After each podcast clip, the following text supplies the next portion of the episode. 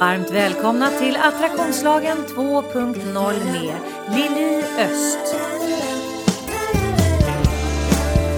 Personlig utveckling på ett helt nytt sätt. Varmt välkomna till Attraktionslagen 2.0. Det är Lili som sitter bakom mikrofonen som vanligt och jag sitter på härliga Clarion Science poddstudio.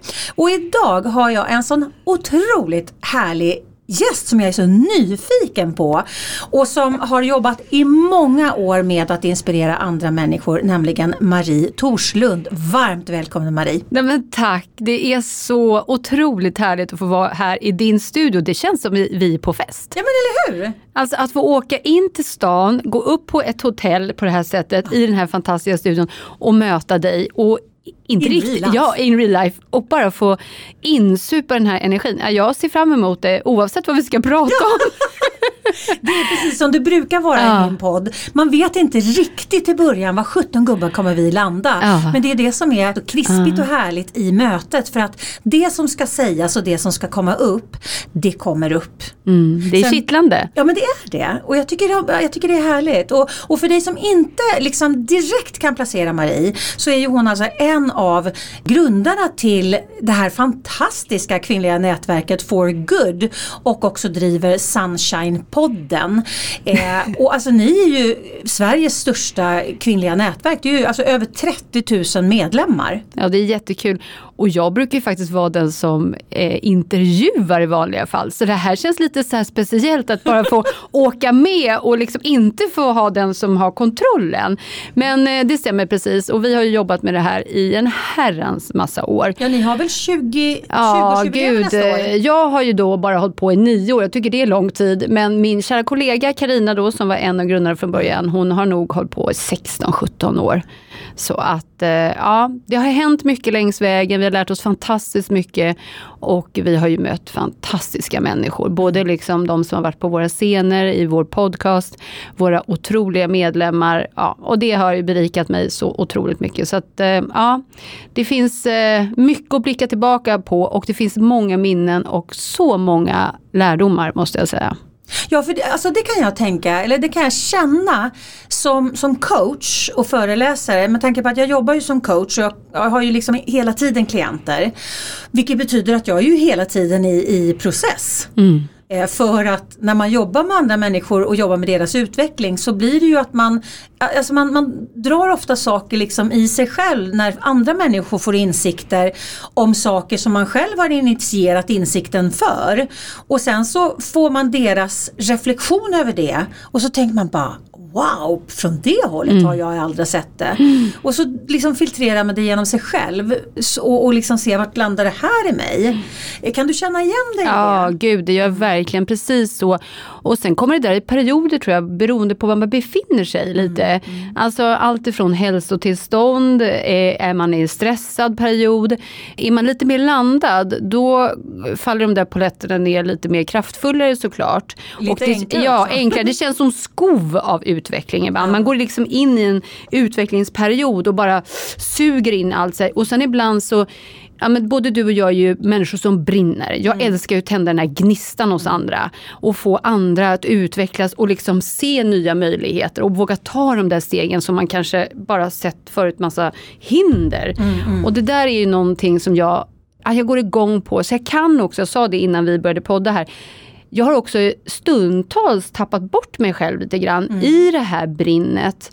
För att, eh, ja, men att provida andras utveckling utan att de kanske tillgodoser sin egen ibland. Och det, även fast vi jobbar med det här hela dagarna så är det någonstans sådär att ja, man behöver kanske också gå ner ett litet eh, mörker emellan. Alltså för mig har det varit så att jag har behövt gå ner ordentligt i, i det här liksom träska, trö, du vet, tröska runt lite. För sen komma upp som en, en eh, kanske ja, jag vet inte om ny människa, men jag känner mig starkare än någonsin just nu. Mm, Men det har varit ett tufft år. Eh, för många har det varit det såklart. Men jag också älskar den här möjligheten som i alla fall har getts mig. Inte alla, för en del har jobbat så otroligt mycket. Och stillhet har inte funnits. Det har jag med all respekt för sjukvård och så.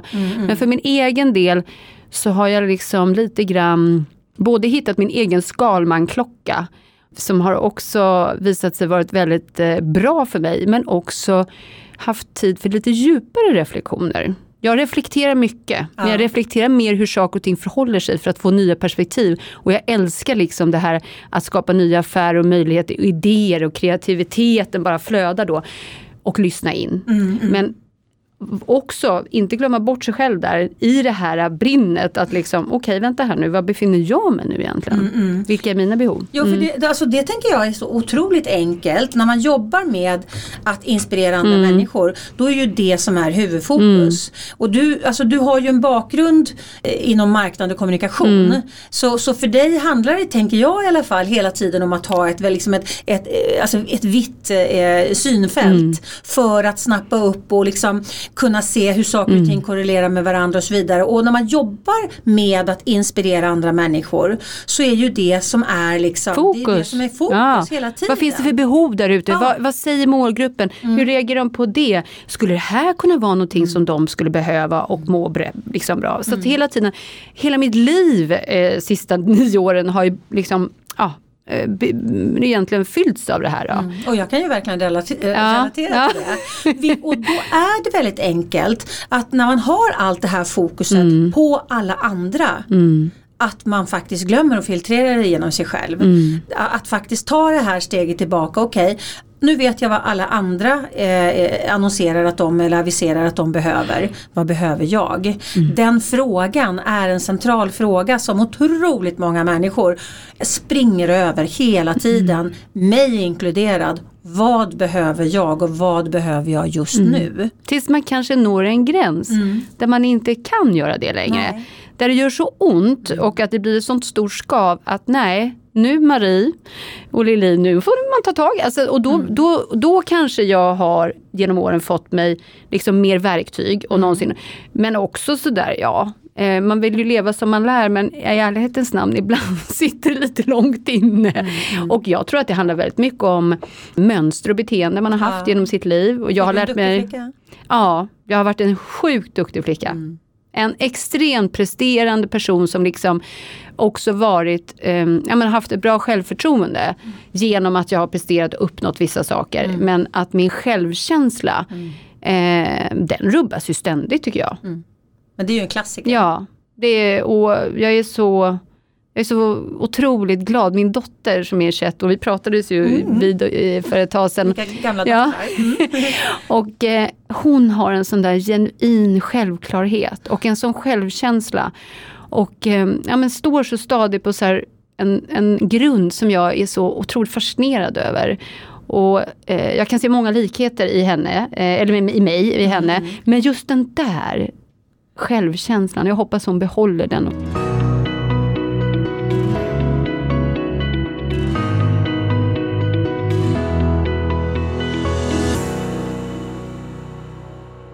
Jo men jag tänker mm. så här, även om vi har förmodligen, du precis som jag har mm. haft jättebra föräldrar. Men personlig utveckling var inte Nej. på agendan eh, eh, i den, alltså det är ju i princip ifrån våran generation och framåt.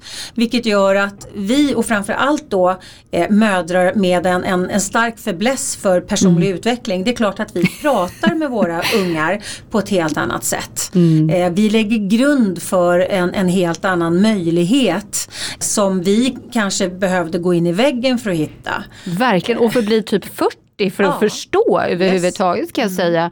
Och det kan jag tycka är helt fascinerande. Hon kan ju ringa mig och bara, mamma du har du lyssnat på den här meditationsappen, har du testat den? Alltså att leda sig själv på det sättet som en 21-åring, alltså det är, ja halleluja. Det kan vi säga så här, styrka för generationen ändå hoppas jag.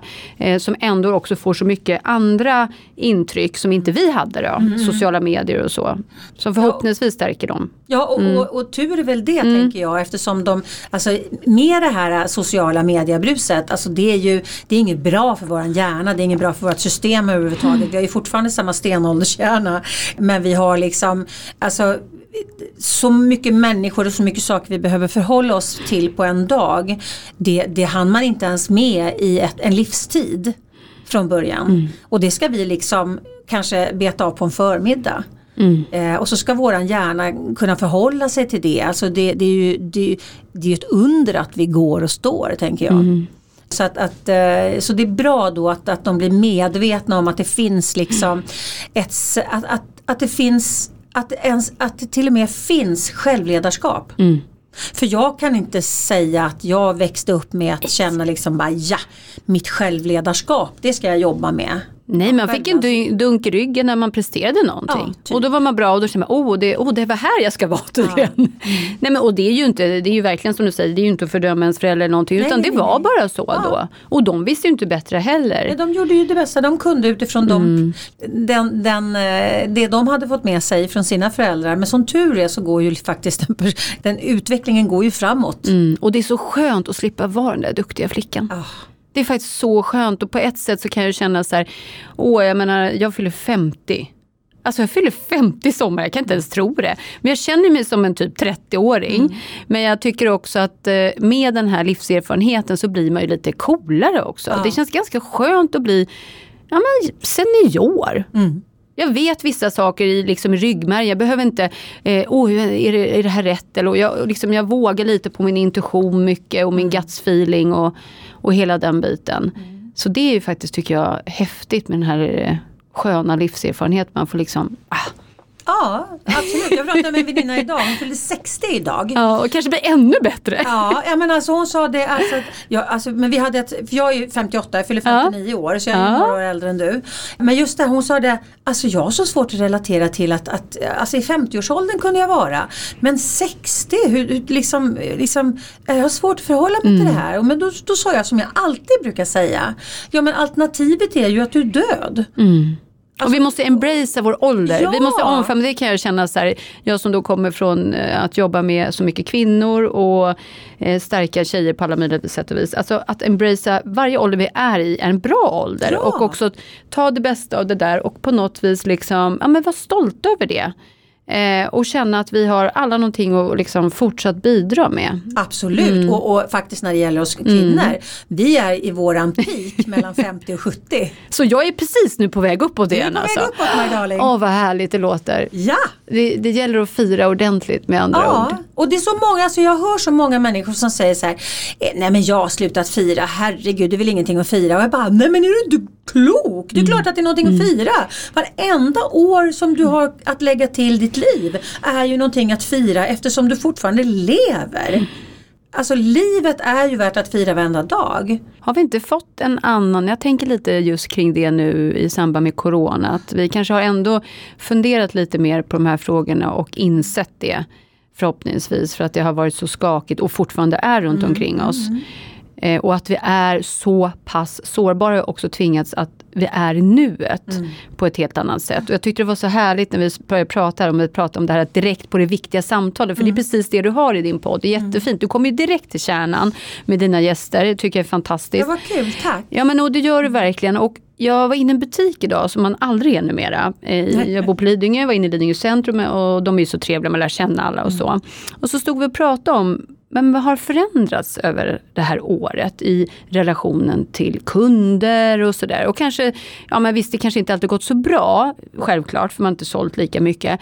Men den relationen man har fått över den här tiden.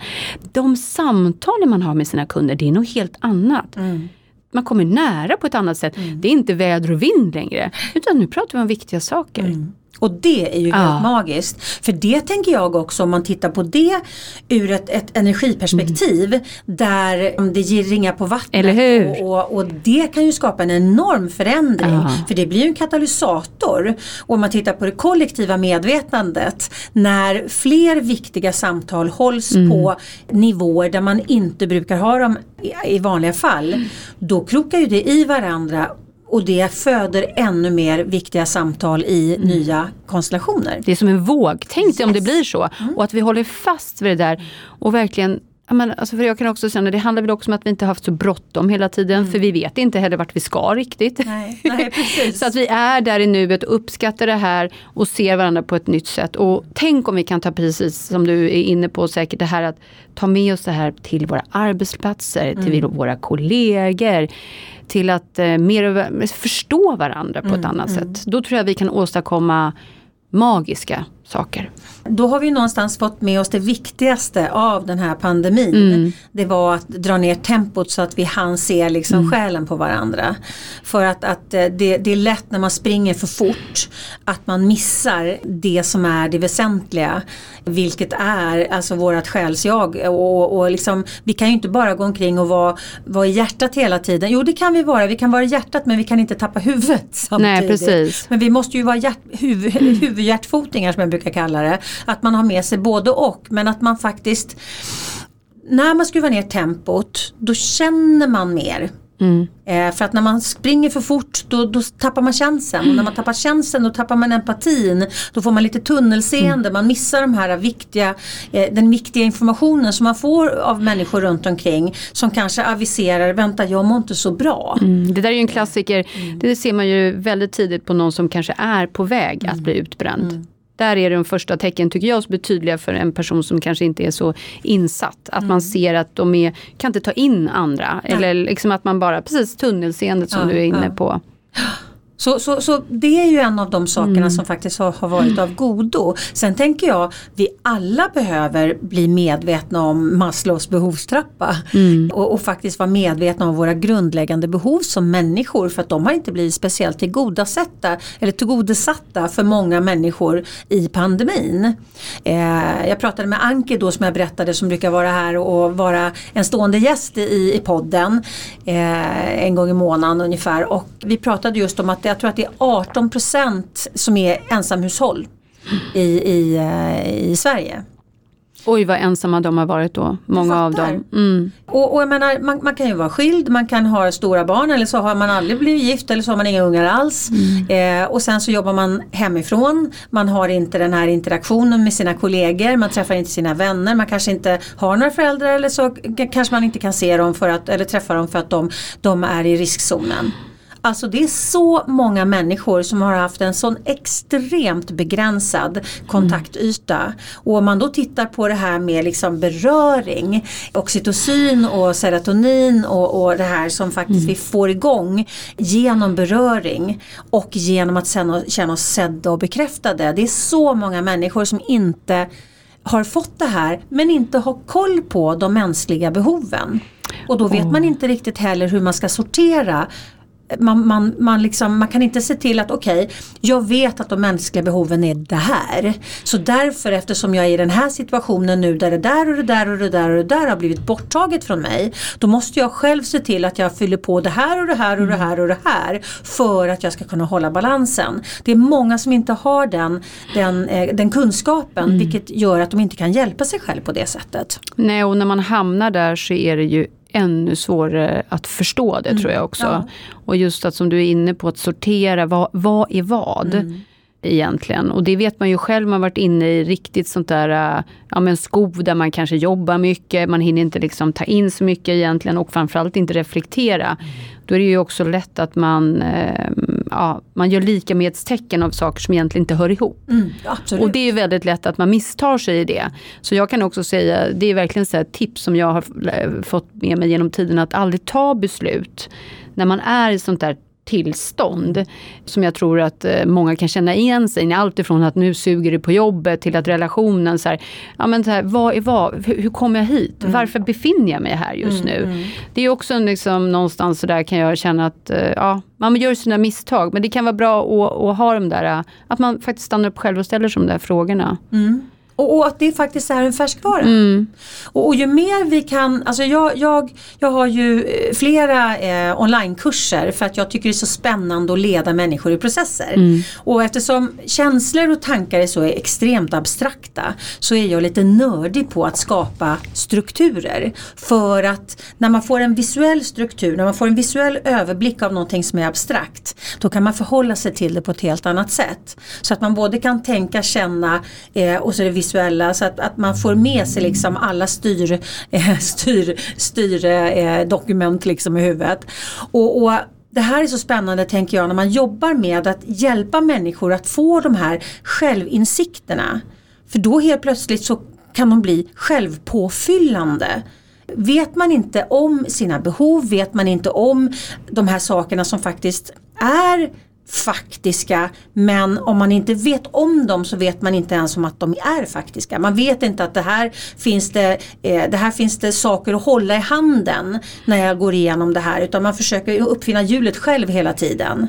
Och jag älskar ju att göra de här strukturerna som hjälper folk att hålla Men det här visuella är jag intresserad av, hur gör du det då? Nej men till exempel, alltså jag jobbar jättemycket med, eh, med metaforer. Mm. För metaforer är så enkelt att komma ihåg. För att man kommer inte ihåg långa texter och, och långa resonemang. Men man kommer ihåg en metafor. En metafor till exempel som jag använder jättemycket det är mina påsar.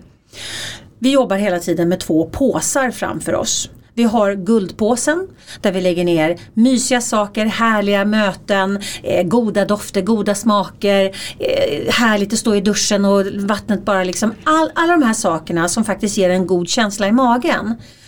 Ju mer vi fokuserar på dem, ju mer lägger vi ner i våran guldpåse och när den är full så svämmar den över och då är det någonting positivt som manifesteras i vårat liv. Parallellt med guldpåsen har vi bajspåsen. Där lägger vi oro, frustration, irritation, eh, avundsjuka, svartsjuka.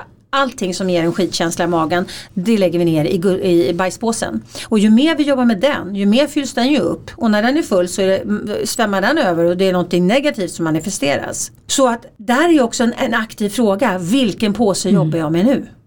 För att vi har en tendens att jobba jättemycket med bajspåsen. Men inte lika mycket med guldpåsen. För att vi är negativt styrda redan från början vi människor. Positiv fokusering är ett medvetet val. Negativ fokusering hamnar vi lätt i. Mm, Det är bara vår natur Det egentligen. är vår natur för det, det handlar om överlevnad från början. Det är en överlevnadsstrategi. Så att när man blir medveten om det här och man har då bajspåsen och guldpåsen. Om man är i en bajspåsesituation om det, livet är bajspåse just nu, då är det så viktigt att jobba medvetet med guldpåsen. Prenumerera gärna på min Youtube-kanal Attraktionslagen 2.0 så att du inte missar några uppdateringar. Jag har jobbat mycket med under den här tiden när jag har varit lite låg och liksom jobbat mycket med mig själv under 2020 jag har verkligen haft ett sånt år. Då har jag jobbat mycket med eh, liksom, nya vanor och ritualer. För att fylla på den här så kallade guldpåsen. Alltså god känsla, ta hand om sig själv, liksom känna in, pröva på. Det är inte alltid saker och ting. Men också få lite ny inspiration och liksom, ah, men hur kan jag ja, men ta hand om mig på ett sätt som kanske inte jag gjort tidigare. Eh, som som tvingar mig in i, ja, men på något vis, i ett tillstånd som, som faktiskt kan både fylla på mig rent mentalt och själsligen men allt ifrån natur till vad nu det kan vara för någonting. Det tycker jag är ett bra knep att liksom hitta nya goda vanor, och bara en i taget kanske, bara för att pröva sig fram. Det är ju ett strukturerat Ja. sätt att jobba med guldpåsen Ja, på. verkligen. Och det tycker jag är superbra. Ja. Sen, sen gör ju jag ju oftast, jag gillar att göra så här tankekartor. Jag jobbar mycket med mindmapping. Mm. Men så gör jag också mycket tankekartor. Att det går liksom, det är ruta som det står någonting i, pil och så står det någonting annat, pil så står det någonting annat. Så att man kan följa lite grann tankar och känslor i en, en, eh, i en, en, en struktur. För att då är det mycket enklare att se, okej det här och det här hänger ihop. Men när man ska försöka förklara det bara sådär, då är inte det lika tydligt att, att saker som man aldrig har satt ihop förut faktiskt har extremt mycket med varandra att göra. Och det kan man se genom när man gör de här eh, liksom visuella strukturerna. Och det tycker jag är så otroligt spännande att göra. Så att, Jättespännande. Jag brukar ha visuella målbilder. Mm. Alltså någonstans, jag älskar att tänka i bild, Mm. film. Jag har väldigt lätt att, eh, jag menar, någonstans här, läsa en bok, då, ja, men då är det redan en film för mig. Alltså att man liksom ser det i bilder och det är ju Mm. Ja. olika hur man gör det där. Men just det här att eh, en del kan ju skriva och det tycker jag också är bra. För att ju mer man skriver på, Mm. det du jobbar med, affirmera fram så, så på något vis så har man ju tagit sig ett steg i den energin närmare det målet. Även Ja. fast det är små, små myrsteg. Eh, men just den där bilden, och det kan jag bli så fascinerad över ibland. Jag tror att jag gör det undermedvetet och sen kommer den här bilden upp i riktiga livet helt plötsligt och så står jag där bara, men gud, det var ju det här jag såg framför mig. Mm. Jo men då är ju du, alltså man har ju olika styrsinnen. Mm. Så en del är ju väldigt visuella, en del är auditiva, en del är, är kinestetiska. Mm. Eh, och, och en del går på doft. Eh, men, men, men just när man är en visuell människa då har man ju lätt att affirmera i bilder. Och det är faktiskt en, en bra grej att ta upp tänker jag. För att det är så otroligt många människor som inte är visuella. Som har jätteproblematik Och det, när du med säger det, jag har förstått det och jag har aldrig fattat det. För jag tänker så här som jag tänker, det var bara nyligen. Det är väl, all, det är väl så här för, alla i livet. Nej. Det beror alldeles på vad man har för Ja. styrsinne.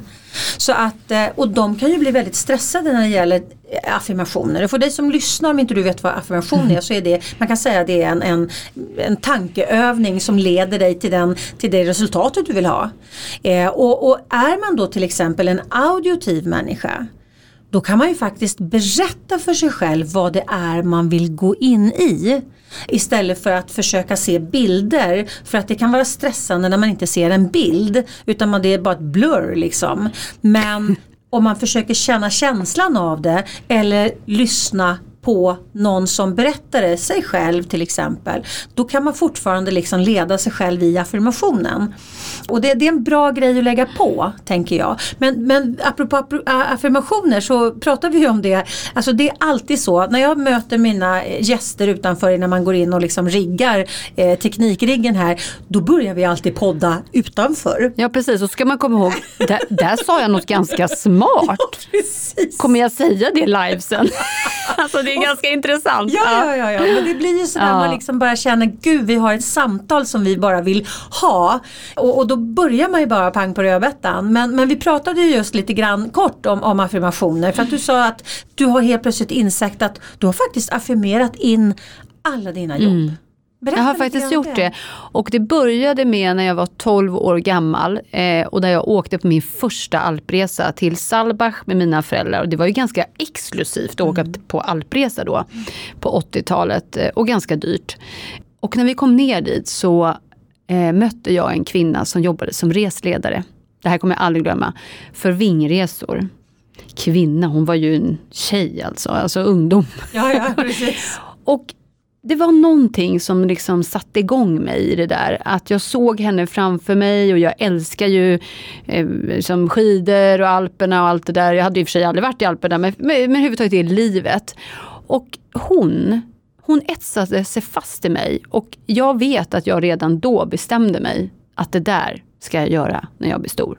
Så att eh, sagt och gjort, det blev ju så såklart.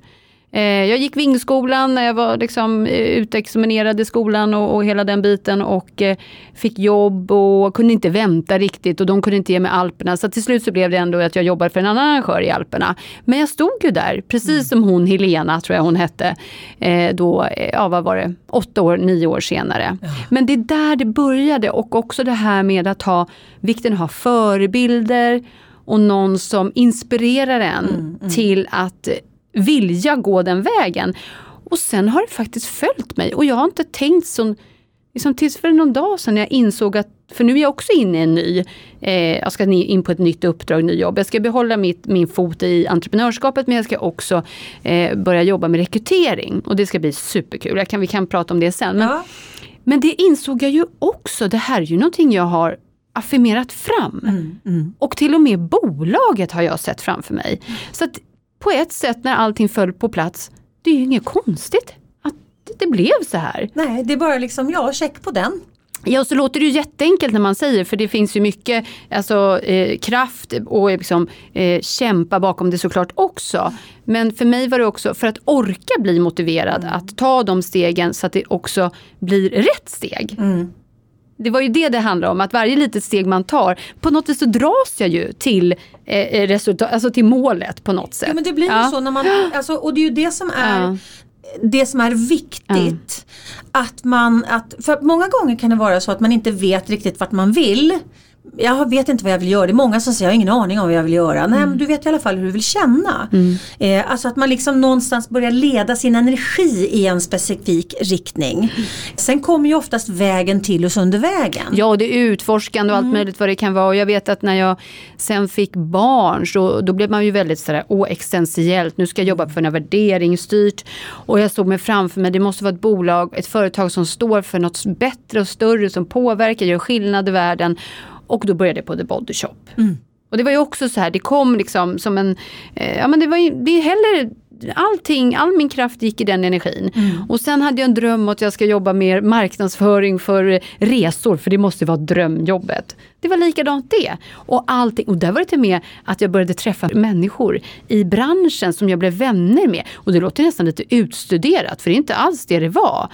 Utan så här i efterhand, så här, ja men jag blev ledd till de här människorna på ett eller annat sätt. Som sen fick mig att komma in och eh, ja, men fick kontakter i branschen. Och sen när det väl dök upp ett jobb, det var inte så att jag var in på räkmacka, men jag hade ändå ja, men lite lättare att, kanske komma in än vad jag hade haft i annars. Mm, det kallas för synkronicitet. Ja. Ja, synkronicitet, Yes, eller hur? Ja det är synkronicitet. Ja. För att det är det som händer när Mm. man leder sin energi. För att helt plötsligt börjar du se saker Ja. på ett helt annat sätt. Du börjar liksom se, eh, du börjar träffa, precis som du säger, människor. De bara kommer till dig, de bara dyker upp. Och rätt människor! Ja, ja, ja, absolut. Och det är det här som är så coolt för att, att när jag tittar bakåt på, på hur mitt liv har sett ut så har jag samlat på rätt människor i många år så, och, och, kommit in i situationer där jag bara, nej men alltså det här, det här började jag affirmera för länge sedan. Men sen så har jag inte gett någon, någon liksom riktig energi till det men jag har ändå verkat i den här eh, i den här riktningen. Vilket gör att, att det som according, alltså accordingly, enligt plan hamnar det här. det Och då liksom. utstrålar du någonting Ja, det. Och det blir en, också en väldigt autenticitet, en äkthet i det där. Och jag minns så väl eh, hur jag kom i kontakt då med For Good som jag sen då drev tillsammans med Karina och gör fortfarande. Sedan, eh, då, jag kommer inte ihåg vilket år jag träffade henne första gången. Men det var i, i begynnelsen. Och det var faktiskt, då var jag på min drömarbetsplats på fritidsresor som reklamchef. Jag kunde inte bli liksom. Jag har ett möte med de här tjejerna som har startat upp det här företaget och eh, ja, men jag kände att de var på någonting spännande i framtiden. Det var någonting som jag såg som jag tänkte det här kan bli riktigt relevant och otroligt viktigt tror jag. Och det handlar om socialt ambassadörskap, det handlar liksom att ja, men, våga vara mer sig själv och, och allt det här. Allting från en inspirationsplattform. Och de sökte en travel partner såklart. Så att vi möttes och vi hade väl då mötts i ett annat sammanhang innan dess. Men i alla fall har ett riktigt bra affärsmöte. Fullt, precis som nu, av energi. Där jag bara känner, wow vilka tjejer. Alltså jag bara gillar de här tjejerna. Det är någonting med de här tjejerna.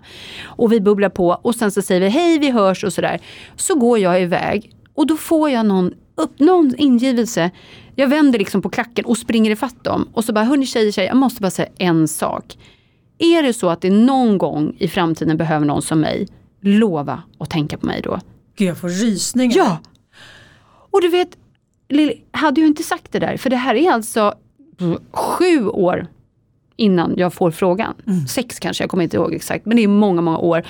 Och det är ju av en ren känsla jag går på. Och jag har ju, så gick, jag till och med gick upp till min chef och sa, nej men gud jag tror jag träffar min nästa arbetsplats. Alltså det var någonting som pockade i mig. Eh, och sen ringde, och hon säger det än idag, hon skulle aldrig kanske ha tänkt på mig eller ringt det där samtalet. Om inte jag hade sagt det där. Nej för hon hade ju inte vetat om då att du hade Nej, i. nej. Och det där är också någonting vi har alltså, uppmuntrat alla våra medlemmar till. Att liksom våga uttala vad du vill och behöver och drömmer och hjälp och längtan. Allt det där. Våga säga det. Och det tror jag, alltså, åh, För det jag kan tror- göra hela skillnaden. Ja, för, för jag tänker att, att många tror jag inte riktigt vågar verbalisera utan man drömmer lite sådär på, hemma på kammaren. Kanske lite förmätet tänker man att man, men inte kan jag ha sådana drömmar och så vidare. Istället för att våga drömma. Det kommer jag ihåg att jag skrev om faktiskt i min första bok, eh, Bli vad jag tänker. Så hade jag ju olika personhistorier med eh, klienter och människor som jag eh, mött genom livet. Och just det här att att refusera sina drömmar redan i huvudet. Det är så många människor som gör. Inte kan väl jag drömma sådana stora drömmar. Vem är jag att drömma sådana drömmar? Det blir nästan lite patetiskt om jag ska sitta med de drömmarna. Vilket gör att man, man vågar inte ens liksom drömma inne i sig själv. Mm. Utan man lägger sordin mm. på, på liksom nattdämpen på pianot redan på insidan av sig mm. själv. Vilket gör att du kommer ju aldrig komma till några storslagna drömmar eller storslagna eh, resultat om du inte ens vågar verbalisera mm. dem för dig själv. Förstår du vilken jätte Alltså snacka om att pressa ner sin egen energi. Och där finns det ju så mycket kraft när vi börjar. Och det är ju det vi har gjort under alla de här åren. Och eh, kommit fram till vad som händer när vi också lite mer ett sammanhang där vi känner oss trygga. Om vi börjar våga uttala vad vi vill, behöver hjälp med, drömmer om, längtar efter. Alltså vad händer med oss då och hur möts vi? Mm. Alltså i den kraften finns så mycket och jag tycker liksom vi har gjort det här till en grej både Karina och jag, vi jobbar ju mycket så när vi även går och pitchar kunder. Vi berättar, vi drömmer om att ha dig som kund därför att, därför att. Mm. Eller att våga liksom sen, man kan inte få annat än nej, men det är inte så himla lätt att motstå en person som säger att jag drömmer Lilly att få komma till din podd. Nej, Tänk om jag fick komma. Det är ganska svårt och får man ett nej, ja men då får man ett nej, men oftast vad det än är så får du kanske i alla fall en väg in till något ja. eller en lunch eller om det kan vara vad som helst tror jag i livet. Att vi, åh, och jag tror att vi måste hjälpa våra barn att fortsätta. Mm. Att våga drömma. Ja. För det, det tänker jag, det har mm. ni mycket på, på agendan i, i For Good, eller hur? Mm. Att våga hjälpa människor att drömma. Mm. Och det är ju det som, det som jag tycker är så viktigt nu eh, och om man tittar i en större kontext och inte bara drömma utan även liksom, ja men hur skulle jag kunna förverkliga mina ja, drömmar? Precis. På vilket sätt skulle det vara görbart? Finns det en chans? Ja, konkretisera. ja, konkretisera. Mm. Vad behöver jag göra då? Och hur skulle det se ut? Och det är mycket som du jobbar också. Mm, mm. Men jag tänker att eh, det är så många i vårt nätverk som aldrig kunnat förstå att de hade kunnat förverkliga drömmar på det sättet som de har gjort. Eh, och också att det är så mycket som hindrar oss. Och det finns ju små knep, det är alltifrån vilka människor vi är med. Mm. Alltså vilken energi släpper vi in? Mm. Och så börja våga testa. Mm. För det är testandet som jag tror vi måste våga, våga göra. Mm. Jag tror att eh, vi måste drömma mera och uppmuntra till att drömma. Och om någon drömmer, fråga istället, nej men vad intressant, berätta mm. mer. Ja. Istället för att vara sådär, superrealistiskt. Hur ska det gå till och så. Mm. För det möter vi också många kvinnor har gjort genom åren. Och som kommer in i kanske vårt sammanhang där vi jobbar mycket med det här. Att bygga upp det här, känslan av att det här liksom, kan jag, kan du och mm. sådär. Va? Och då är det så att, nej men du förstår, då får man ofta det här svaret. Ja men i min bekantskapskrets, om jag säger det här eller om mm. jag, det är ingen som är ja-sägare eller hejar på mig så. så att, och det är också viktigt att har du någonting där inne men försök omge dig med människor som tror på dig och som liksom låter dig få vara i det där och pusha dig. Sen kan du ha rådgivare och allt vad det nu kan vara men att det är lätt att man Ja, man måste titta på de här energierna runt och vilket dreamteam har jag här. Som, ja. Dream Team och ja. den är så viktig för att de flesta har inte ett medvetet, alltså de har inte medvetet skapat sig ett Dream Team utan de har många, och alltså om man tittar på, nu hoppar jag i, i eh, hör jag hoppar här som en popcornpåse. Det gör inget. men, men jag tänker att för att vi är ju, vi är ju i grunden förändringsrädda. Och när en, en nära eh, vän, en partner, en, en vad det nu kan vara för någonting börjar avisera att man vill skapa en förändring. Då försöker oftast omvärlden, den när, närmaste om, liksom, kretsen, försöker oftast hålla ner för att man vet hur viktig man är i den här personens liv när det ser ut som det gör nu. Men om du börjar förändra dig då har jag ingen aning om hur viktig jag blir så att det är mycket bättre att du fortsätter att vara som du är på den på, den stället, mm. på det stället du är så att jag är trygg i vad jag är mm. någonstans. Ja men det är en klassiker om man skiljer sig. Det är en riktig klassiker ja, till ja, exempel. Men du har helt rätt och det här med Dream Team, det, de, de människorna kan ju på något vis, eh, ja de kan ju variera lite beroende på vad man behöver i livet såklart. Men vi pratar ju jättemycket om det i vårt affärsnätverk eh, för Good Business Network. Just att det här att ja, men se liksom runt omkring dig på vilka har du i ditt lag som stöttar och supportar dig. Och är det så att du kanske känner att du går i full fart lite för fort framåt, mm. ja men då kanske du ska ha några backar också mm. som hjälper dig kanske lite, mera, ja, men lite mer eftertänksamma. Mm. Så det, självklart så handlar det lite om var man befinner sig själv och, och kan man bara se, ja men här är jag nu, vilka skulle jag behöva för att hjälpa mig framåt? Och inte bara de här kanske, ja men du vet tjejkompisarna som man alltid har utan gärna något, eh, någon som kanske inte alls egentligen man behöver stå så nära men som kanske kan hjälpa dig framåt i din utveckling. Mm. Och vice versa. Jag ja, gillar det här att byta, ja. att man också hjälper varandra. Mm. Behöver du hjälp att sortera i ditt liv? Läs mer på liliost.se Jag tänker också att det är viktigt att man får kanske eh, eh, en infallsvinkel som man inte skulle ha fått mm. om man bara hänger med sina vanliga homies. Liksom. Jag bara, vänta det där, så där har jag ju inte tänkt på mm. ur det perspektivet. Jag har inte tittat på den här saken innan. Intressant. Och, och det får vi ju ofta av sådana människor som vi inte hänger med till vardags. Mm. Eh, så att, att, det är ju otroligt viktigt att bjuda in tänker jag. Eh, att våga bjuda in. Mm. Men, men just det här för att återkomma till Dream Teamet så är det väldigt viktigt att vi har människor runt omkring oss som låter oss utvecklas. Mm. Och när man har fått kläm på personlig utveckling då är man ju hela tiden i en process.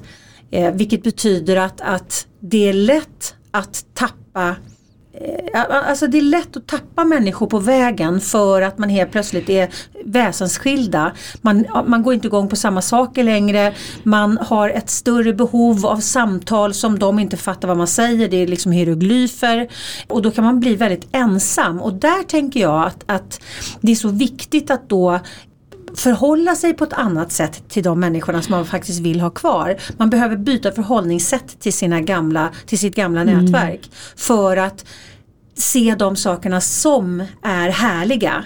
Inte bara liksom dissa alla, bara, nej men du fattar inte vad jag säger nu, nu dissar jag dig. Men att bjuda in de här människorna som du faktiskt kan florera eller, eller liksom flourish i, i den kommunikationen.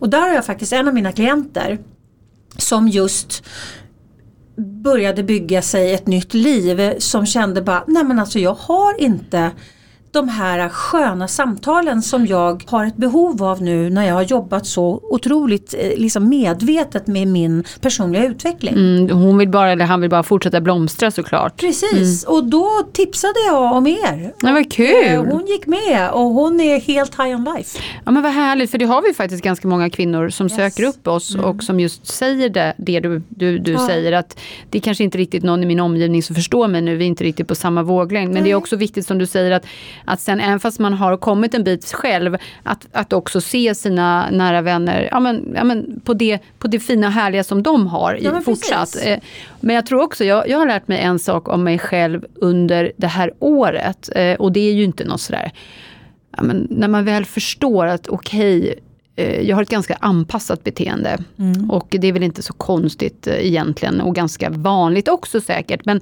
det innebär också att många av mina beslut eh, har inte alltid utgått från mig själv. Mm. Mm. Eh, utan jag så här har, har skannat av vad innebär det här för konsekvenser för min omgivning innan jag själv tar ett beslut. Mm, mm. Eh, vilket ibland kanske har varit jättebra men många gånger inte jättebra för mig. Och det innebär också att jag eh, går in oftast i sammanhang där jag känner så här, okej okay, vad vill ni ha mig? Mm. Istället för att jag går in och bara, åh vad härligt den här, vad, får se vad det här leder till. Ja, Utan mer så här givers pleaser. Mm. Liksom. Ja, och det där är intressant för att då var det en, eh, faktiskt en coach eller terapeut som sa till mig, det innebär också Marie, hur nära kommer du dina vänner då egentligen? Mm. Jätteintressant. För då hade jag börjat upptäcka att jag kunde prata med helt främmande människor som är intresserade av personlig utveckling mm. dock, som vill ha det här growth mindset och så. Och jag kom direkt in på kärnan, mm. kunde blotta mig, kunde vara jättesårbar, hela jag. Medan jag kände kanske att ganska många av mina nära vänner, jag är ju inte riktigt det där. De känner fullt inte ut. dig där. Men jag har ju jobbat med det här mm. och jag ska inte säga att jag är någon intro, alltså du förstår vad jag menar. Det är mer att de det, är liksom, det handlar ju om att få en intim relation. Mm. Och det är ju det jag lever för, det är ju det jag älskar egentligen. Så för mig blev det en så här, men vänta nu, har det här påverkat mig så mycket så att så nära som jag egentligen vill vara mina nära, har jag inte riktigt kommit. För att jag har liksom jag har liksom anpassat mig lite så för att jag ja, men antagligen också rädd för att ja, men inte bli älskad eller vad nu det kan vara för någonting. Inte skapa konflikter Ja, och så vidare. absolut. Men vilka fantastiska insikter. Ja, det har varit så nyttigt. Ja, Lite läskigt men, men otroligt bra för mig och också försöka det handlar ju väldigt mycket om omprogrammera sig nu. Mm, Att vara medveten när man går in i sådana här situationer att vänta här nu. Nu för jag gör ju det här helt naturligt. Ja, ja, ja. Det går på- i Eh, det är ju, blixtens hastighet. ja, ja. Så att jag måste liksom tänka i sådana situationer och då går jag ju också in med det med en helt annan öppenhet och en annan kraft. Och det är ju så jag vill vara också. Mm. Så ena föder väl andra, men det har varit väldigt intressant. Jag tror att vi, ja, när man väl börjar lyfta så här, jaha okej, fine, var det det? Nu förstår jag. Och nu måste jag också våga ta beslut som mer utifrån mig själv. Ja. Och inte för att jag ska skita alla andra i min omgivning, utan mer för att jag behöver också det vet vi, vi måste hjälpa oss själva först för att kunna hjälpa andra. Ja och den, och den är Mm. intressant när man känner helt plötsligt att man liksom oj vänta nu här tappade jag den här på vägen. Ja. Det var- lite spännande. Nu har jag hållit på liksom med den här syrgasen eh, för, för gud vet alla. Ni har 30 000 medlemmar Ja, era, ja men, era och det var liksom- lite så jag tror jag gjorde när jag hamnade i liksom ett läge där jag inte mådde så bra. Och, och det var ju inte alls uppenbart på det sättet utan mer att jag började faktiskt fysiskt och mentalt inte känna så mycket glöd längre. Mm.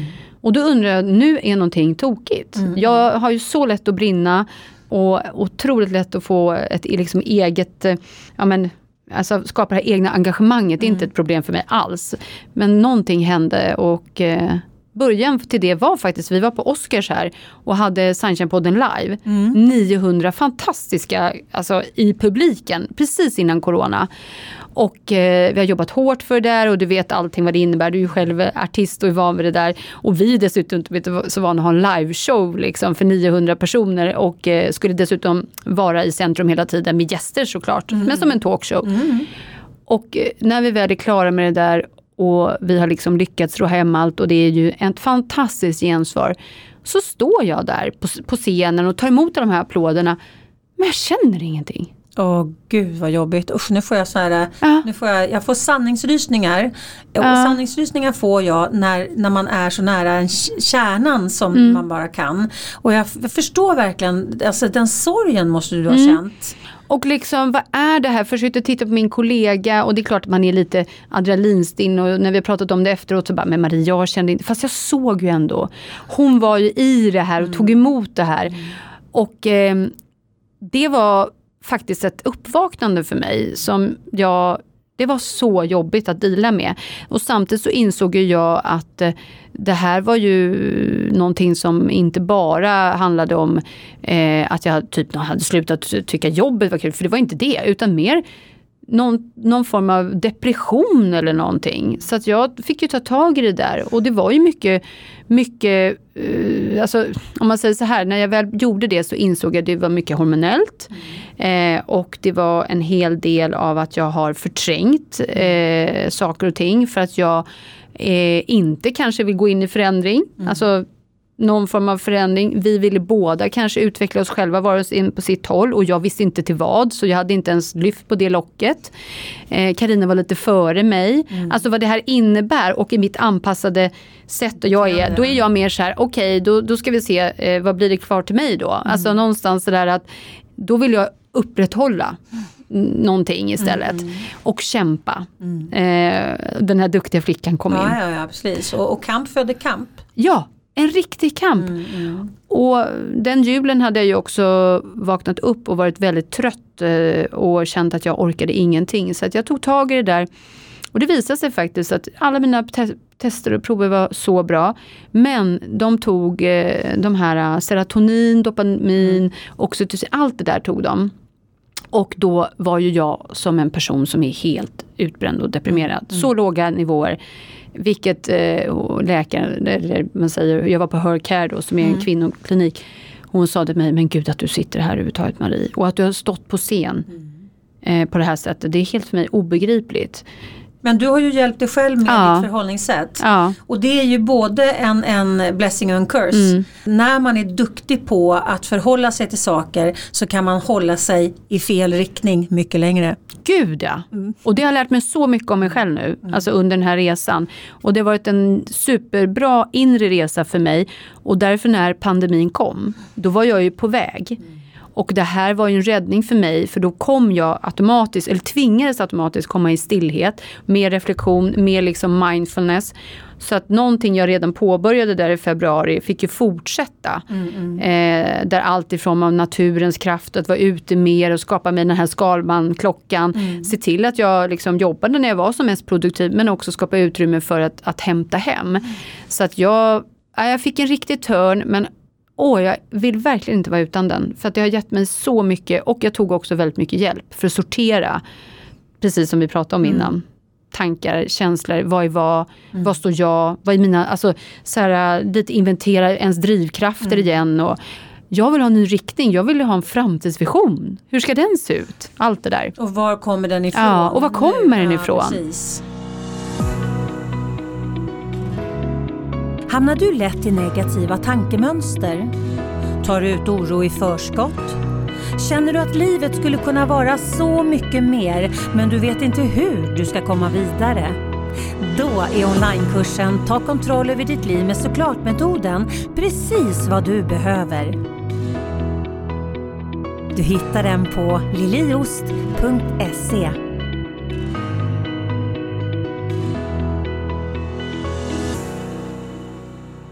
Men det, det gjorde ju någonstans ändå att du tog ett steg. Du har ju tagit ett, ett, eh, ett rejält kliv eh, in i någonting nytt som faktiskt börjar på måndag. Ja, det är så roligt. Och hur man inte kan tänka sig att för ett år sedan så så då man kanske var lite låg och man hade massa andra utmaningar att man skulle liksom ja, men sitta här hos dig till att börja med på Clarion Sign och sen ha en fantastisk eh, ny möjlighet. Och då kan man ju känna sig i nio års tid har jag liksom inspirerat, hjälpt och coachat andra kvinnor att eh, våga förändra sina jobbliv. Och nu är det liksom dags för mig. Och det känns också så härligt att jag får, att jag verkligen lever som jag lär såklart. Eh, och att eh, ta det här nästa steget. Och jag har ju jobbat mycket för att just inspirera kvinnor att eh, ja, men våga skapa det här drömjobblivet om vi nu ska säga det. Och många tjejer i, hos oss är ju ja, men så kallade miniprenörer, lite som dig själv. Eh, är, har tagit steget och velat skapa ett friare arbetsliv. Många har karriärväxlat och inspirerat mig jättemycket såklart. Och det gjorde jag ju själv när jag blev egen. Men nu ska jag fortsätta göra det här på ett annat sätt och det känns väldigt kul för att någonstans, jag har alltid varit en en connector eller en matchmaker. Jag har älskat att matcha ihop människor eh, och liksom det här vad som händer i mötet. För jag vet vad, vad givande det är själv. Och eh, ja, men dels att man kan lära sig mycket av varandra men också av samarbeten generellt. Allt det här med samskapande går jag igång på. Så att nu ska jag få eh, matcha eh, bolag till, alltså företag att hitta sina bästa ja, men, drömjobbkandidater och att kandidater får hitta sina drömjobb helt enkelt. Så nu ska jag jobba med inom Wise Group eh, och driva ett affärsområde område som heter KIM. Och det är ju då fokuserat ett specialistområde på marknad eh, och kommunikation som jag kommer ifrån. Ja men precis. Så nu är bästa världar, det är liksom allt ifrån att ta vara på mitt nätverk men också att, att få fortsatt hjälpa människor till eh, ja, sitt eh, drömjobb. Så det känns så roligt. Och det, det blir så här en förlängning av mitt why på något sätt. Du vet. Ja men precis och det är där som är så spännande Ja. för att jag har varit mycket i inre processer under corona också Mm. naturligtvis eftersom det har ju förändrat sig så otroligt mycket. Möjligheterna har ju förändrats så otroligt mycket med tanke på att jag både har liksom coachningen och föreläsningarna och artisteriet. Det är ju liksom tre tre grenar som egentligen har, har fått en duvning alla Mm. tre. För att coachningen, absolut folk behöver coaching. Men nu och kommer behöva folk, ännu mer. Absolut, Ja. men folk håller ju pengarna och företagen jag har coachat har hållit i pengarna. Så att, att allting har ju gått ner och då har jag liksom också börjat fundera på okej hur tar jag mig framåt? Jag är ju en innovativ människa men helt plötsligt så har jag insett att min innovations eh, liksom, eh, bredd inte har varit så jävla bred utan jag har varit innovativ inom mina egna ramar. Jag förstår. Det är lite som vi också har hela tiden över tid utvecklat nya affärsområden eller tjänster för medlemmar utifrån deras behov dock. Men vi har gjort det hela tiden. Det är inte så att vi har klivit in i en ny bransch eller hittat på någonting sånt. Förstår att eh, och samtidigt så kanske inte det är så konstigt i de här tiderna heller.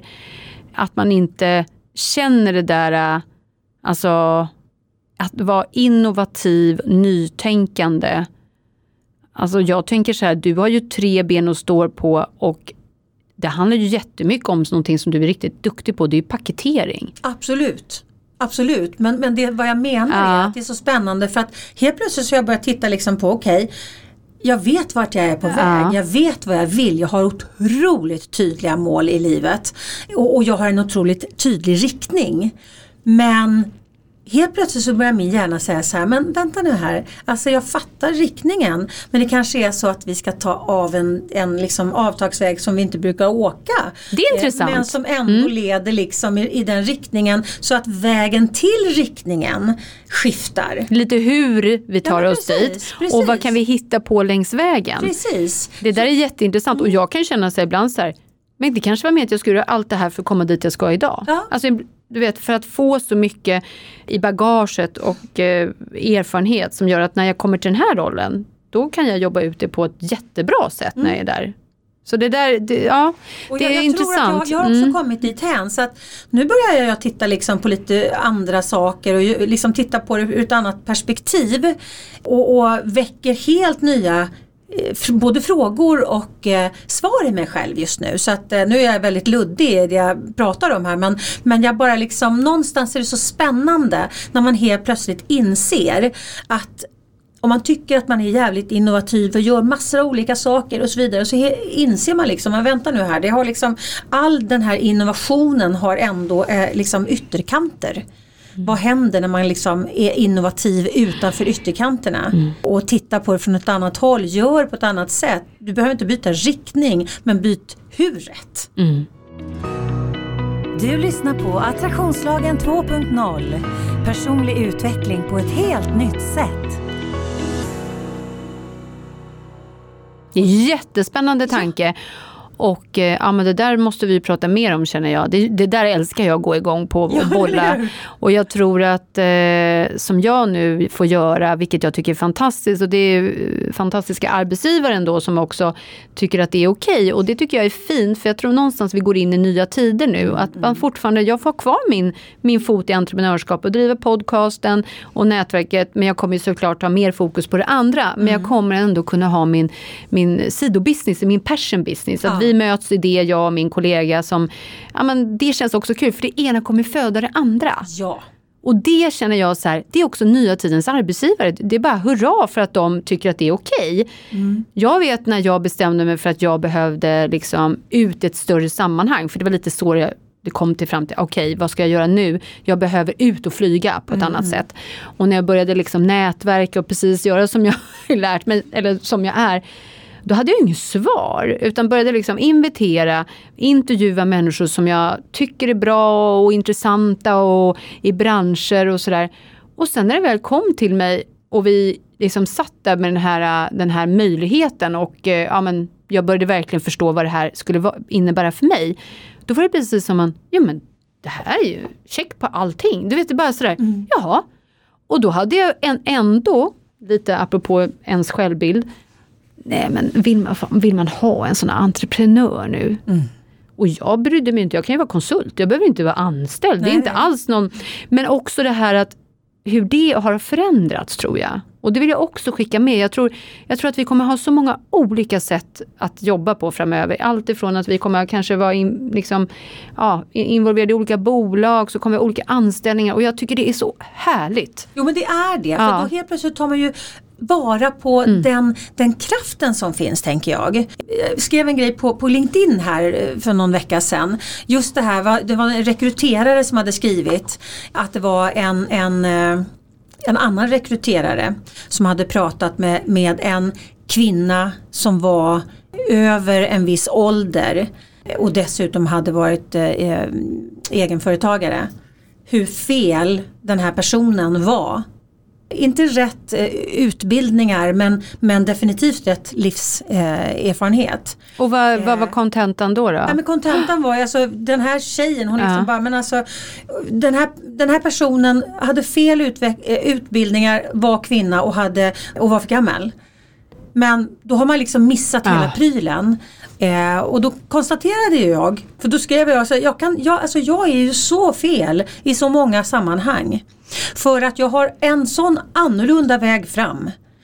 Jag har inte hört någon som har samma typ av väg fram som jag överhuvudtaget. Du går inte att mappa in dig Det Lilly. går inte att mappa in mig, det har aldrig gått att mappa in mig. Nej. Vilket gör att man, när man inte får in mig ett fack då blir man ju alldeles förvirrad.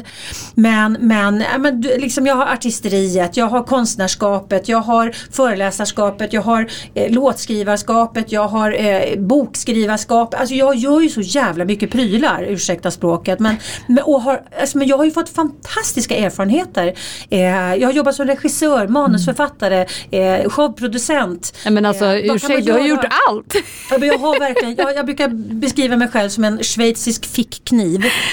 Vad underbart. Men om man skulle läsa mitt CV då skulle man inte fatta vad man kan ha mig till. Man bara, gud man blir rädd eller? Ja men vet sådär. Men alltså vad händer med en människa som har liksom jobbat på scenen Mm. som artist? Ja jag är naturligtvis en liten jävel på att läsa min publik. Eh, har Och jobbat som förstå, showproducent. alltså att sätta sig in i andras, för det tycker jag också så här, det är en av mina alltså, driv, eller superpowers, att, att eh, jag kan verka som att jag pratar mycket, men jag lyssnar faktiskt mer. För att jag är så otroligt nyfiken på hur du funkar som människa, vad tänker du på, hur kommer det sig att du tar dina beslut och tankar och så här, mer, mer du är mer intressant än mig själv och det här måste jag ju för sig jobba med. det måste du jobba Eh, ja, med, måste jag precis. jobba med. Ja. Men, men, men det tror jag ju är en egenskap som man är som artist eller skådespelare, att man har en förmåga att för, sätta sig in i andra situationer, för annars kan man inte spela en roll eller sätta Nej. på sig en roll. Nej. Så det tycker jag ju, alltså allt kring beteende, hur människor funkar och mål, alltså där är ju en jättefina erfarenheter. Ja men det är Mm. ju det. Men många människor kan inte översätta dem. Såklart Eh, inte. Mm. Och som i mitt liv som, eh, mitt liv, i mitt, i mitt jobb som regissör. Det var egentligen där jag förstod att jag är ett coachämne. För att jag förstod att jag har ett sånt konst, eh, ett coachande förhållningssätt. För att min, min uppgift var ju att få artisterna att blomma. Att nå över scenkanten. Och för att jag skulle kunna få dem att blomma var jag ju tvungen att, att sätta mig in i vad ligger i vägen för blomningen. Vad är det som liksom gör att det blir platt? Eh, och det handlar inte om maner utan det handlar om att liksom nå hjärtat och för att nå hjärtat på någon då behöver du vara en intresserad, du behöver vara intresserad av personen du har Genuint framför dig. intresserad. Genuint, Mm. eh, Absolut genuint intresserad. Så att alla de här sakerna som jag har lärt mig längs vägen och som har skapat den jag är. Sen har jag ju ett, ett, ett sjukt intresse av beteendevetenskap och psykologi. Jag, jag går ju så eh, grymt igång på det. Jag tycker det är så spännande. Men jag tycker att det är så spännande med människor och utveckling. Och, och det som ligger bakom våran, alltså våra why och det som ligger bakom vårat brinn. Men du som chef och ledare är väl perfekt? Ja, men det är det som är så spännande för att om man skulle, man ser ju inte det här på CVt. Nej. Utan, och det, det är det jag tänker att det är så många som missar all den här fantastiska kraften som finns ute i samhället med människor som jag brukar kalla vildhästar som inte har gått rätt linjer, rätt utbildningar, gjort rätt saker och så vidare. Men de har skaffat sig sån fantastisk erfarenhet och sånt enormt brinn och driv. Och jag hoppas att det där är på väg att förändras. Ja, jag med. Jag tror kanske att modiga nytänkande bolag kommer att se dessa individer och förstå att dessa måste in i, i organisationer. För att eh, både röra om men också att eh, de har så mycket att eh, erbjuda. Så det, det är en spännande tanke eh, om eh, man ska vända lite på det här. Och det var lite så som jag tänkte att, att när jag gav mig ut och började nätverka, träffa lite headhunter och sådär. Då insåg jag ju att, nej men gud, för fem år sedan då kanske inte jag var rätt. För då kanske de tänkt så här, det här är mina fördomar, observera det. Det är bara hur jag, eh, ja men gud hon kommer inte vilja vara här, hon har varit egen så länge, hur ska hon kunna liksom få, hur ska hon känna, blir det instängt etc. etc. Medan nu ville man uttalat ha en entreprenör. Och det är kanske det man har kommit till idag, att man förstår och alla de här eh, då, så kallade erfarenheterna som inte vem som helst besitter heller, som är Mm. fantastiska, som du har med dig och alla andra kreativa yrken, artister där ute, som faktiskt eh, tror jag har sjukt mycket att bidra med in organisationer. Ja. Och gud, tänk vad mycket roligare det skulle bli också. Ja, alltså, ja men absolut, eller hur? Och eh, alltså jag tror också med mer känsla och jag tror ju jättemycket på det här kärleksfulla ledarskapet. Mm. Och jag tror att dagens ledare det är faktiskt ledare som ser människan bakom och inte bara arbetspersonen. Nej. Eh, utan kan liksom få fram de där, eh, ja, men den där gnistan. Mm. Eh, och ja, men, någonstans så här, vi ska ju alla älska att gå till jobbet. Ja, och om vi inte gör det då, alltså, jag, brukar, jag har en, en räknemodell. Eh, om man tycker att måndag till fredag är en, en eh, transportsträcka till helgen eller i alla fall måndag till torsdag. Då är det 209 av 365 dagar som är öken i varierad liksom, dignitet.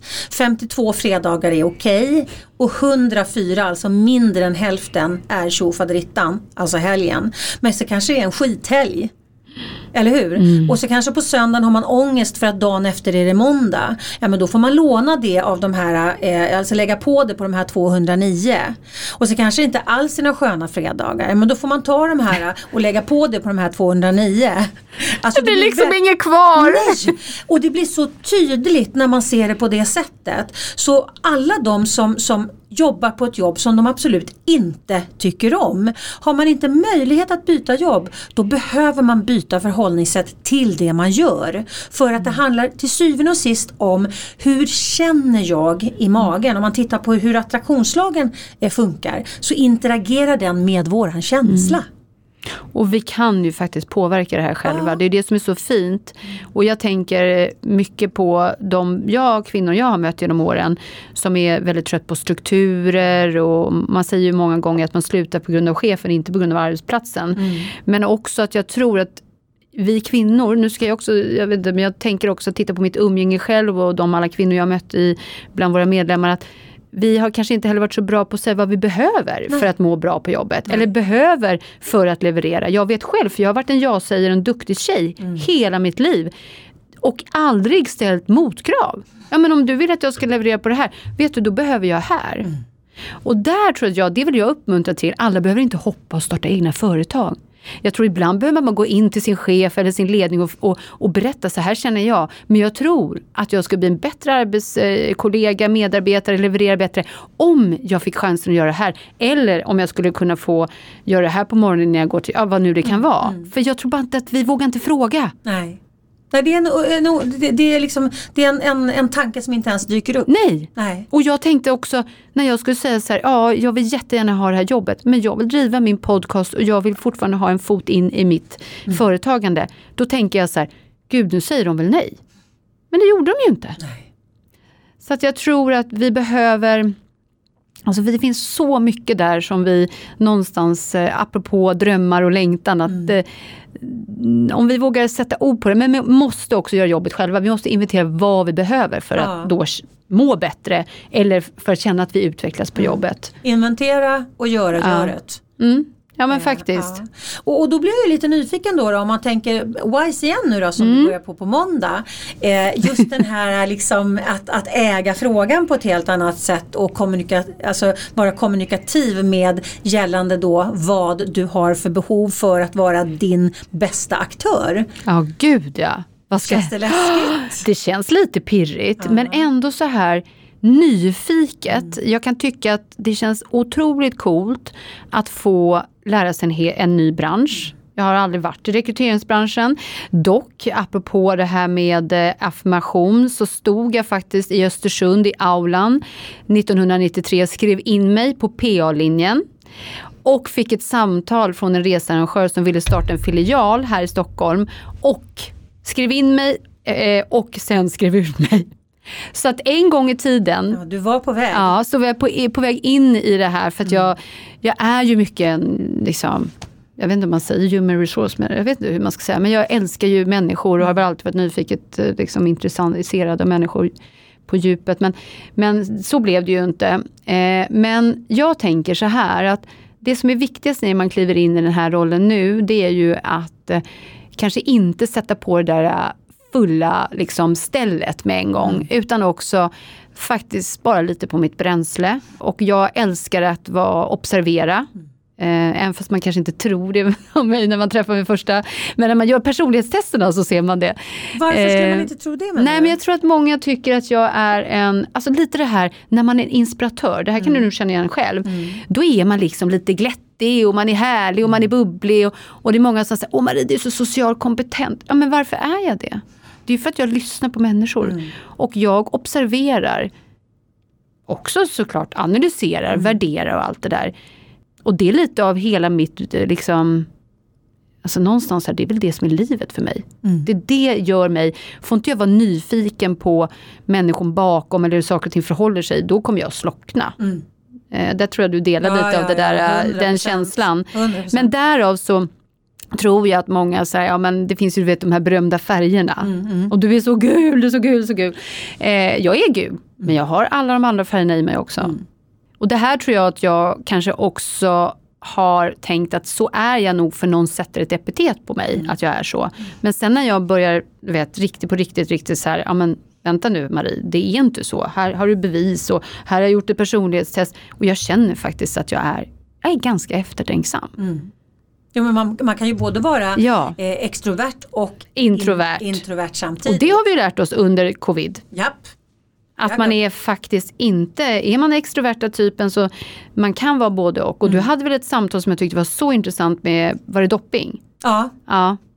Om den introverta, mm. alltså nästan så här, jag har ju börjat älska att vara själv. Jag älskar, jag, jag, är, jag, jag trivs väldigt, väldigt bra i mitt eget sällskap och har väldigt stor, eh, stort behov av att vara själv. Mm. Sen är jag en väldigt social människa som älskar att hänga med människor.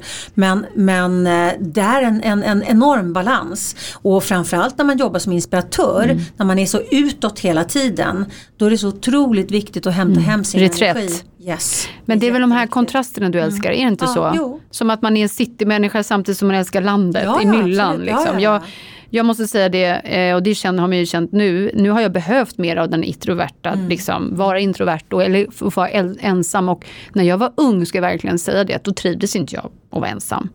Men jag älskar att få vara själv. Mm. Och jag tycker det är en ynnest att få vara i mitt eget sällskap nu för tiden. Ja men det är och, men, men det bör ju tilläggas för att det här kan ju låta eh, kanske som en nagel i ögat på någon som känner sig ensam. Ja. Eh, alltså självvald ensamhet. Mm, det är något helt annat. Det, det, är ju den vi pratar mm. om nu. Eh, för att när den inte är självvald längre så är den kanske inte riktigt lika eh, kul. Men, men alltså, har man ett starkt behov av att vara själv då är det viktigt att man hörsammar detta. För att annars så blir det en stressor. Mm. För att man inte kommer åt sitt inre när det är friktion utanför hela tiden. Att, alltså någonting som pockar på din uppmärksamhet som vänder blicken utifrån eh, ditt inre. Eh, så vi behöver, alltså jag tror att vi alla oavsett ifall vi är 100% extroverta eller om vi är både och så behöver vi hämta hem eh, oss själva med, med frekvens. För att inte bara liksom, ja jag brukar åka iväg en gång om året. Mm. Nej det var inte riktigt det jag menade. Utan det var liksom sådär, den här veckan, hur mycket har jag gett mig själv liksom, eh, andningstid då? För jag får ju precis som du säkert energi av andra men jag blir också, numera så kan jag liksom riktigt känna efter att jag, efter en sån här äh, tillfälle där man har varit supersocial och så, jag är helt slut då. Mm. Jag är lycklig över alla möten men jag är mm. också trött. Mm. Eh, och då får man smälta de där intrycken mm. och lite så reflektionstid och bara, ja, sen så kan man gå ut igen. Mm. Mm. Men det är viktigt att känna in det där. Och det är återigen eh, det vi började med mm. Eh, för att lite snyggt sy mm. påsen. vi skulle kunna sitta och prata här i 14 dagar tror jag. Verkligen. Men, men just det här, vad behöver jag nu? Den frågan, den är central. Och, och våga liksom, vad behöver jag nu? Ja men jag behöver bara stilla mig eller jag behöver bara inte göra någonting eller jag behöver eh, vila eller jag behöver bara få liksom eh, plåstra om mig själv eller vad det kan vara för någonting. Och sen så låta sig själv ha det då. Inte bara vad behöver jag nu? Ja, jag skulle verkligen behöva sova. Men, och så tittar man på klockan, det hinner jag inte för att blabbeli blabbeli blabbeli blabb. Utan ta sig själv på allvar tänker jag, ta sina behov på allvar. Mm, sätta de behoven främst tror jag. För det är väl också ja. lite så det vi kommer gå ut i livet nu, att det är ju det här vi pratade om inledningsvis också, självledarskapet. Mm. Att kan vi leda oss själva, då kan vi även leda andra. Mm, mm. Och eh, ja, världen kan bli en bättre plats också på Ja, många sätt. Ja absolut. Både liksom höja självledarskapet och höja, eh, liksom skruva upp ljudet för att plocka in liksom våra medmänniskor. Mm. Alltså de två sakerna tror jag är, är faktiskt eh, otroligt väsentliga i, våra, i vår psykiska hälsa. Ja, för då känner vi meningsfullhet tror jag och samhörighet. Ja. Och det är ju ändå bevisat, där finns mycket lycka. Absolut. Hörru du, tack snälla Rara för att du kom hit. Och... Alltså tiden bara, jag vet knappt vad vi har pratat om, vi har bara kört på här. Det är så fantastiskt och eh, vad fint eh, att få träffa dig på det här sättet och eh, att få vara gäst för en gångs skull är ju helt fantastiskt också. Och jag hoppas att ni som har lyssnat har fått med er någonting i alla fall att reflektera över och ta med er hem. Det är jag helt övertygad om att de har gjort. Och tack snälla du för att du ville komma hit och gästa podden. Det har varit en, ett, eh, ett jättehärligt samtal. Verkligen. Så, så det, här, det här gör vi om tycker Ja, jag. det tycker jag vi gör.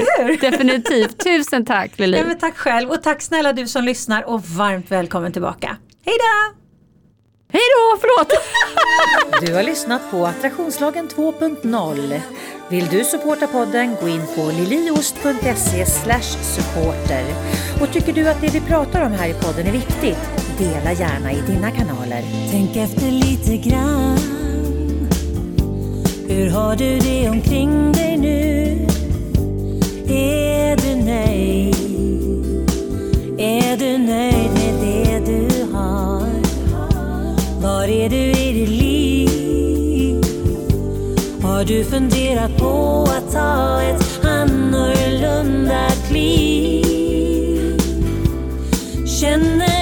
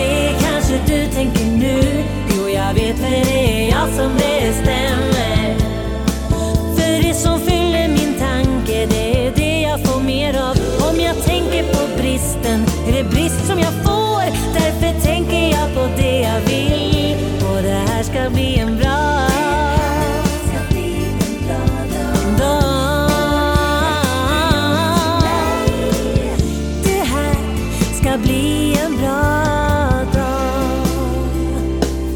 Tänk efter lite grann. Vad är det som du tänker på allra mest? Det du har eller inte har. Vem är du i ditt liv? Och har du tagit rodret eller driver